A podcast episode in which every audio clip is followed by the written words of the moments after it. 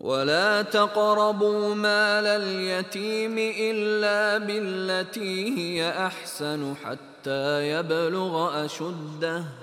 وأوفوا الكيل والميزان بالقسط. لا نكلف نفسا إلا وسعها.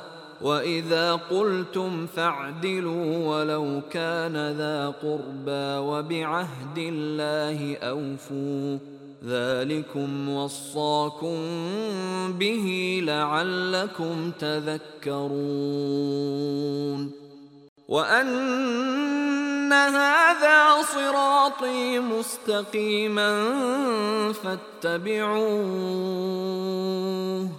فاتبعوه ولا تتبعوا السبل فتفرق بكم عن سبيله. ذلكم وصاكم به لعلكم تتقون.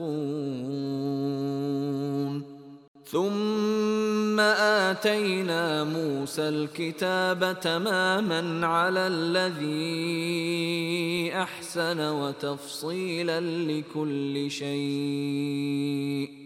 وتفصيلا لكل شيء وهدى ورحمة لعلهم بلقاء ربهم يؤمنون. وهذا كتاب أنزلناه مبارك فاتبعوه واتقوا لعلكم ترحمون. أن تقولوا إنما أنزل الكتاب على طائفتين من قبلنا وإن كنا عن دراستهم لغافلين. أو تقولوا لو أنا علينا الكتاب لكنا أهدى منهم فقد جاءكم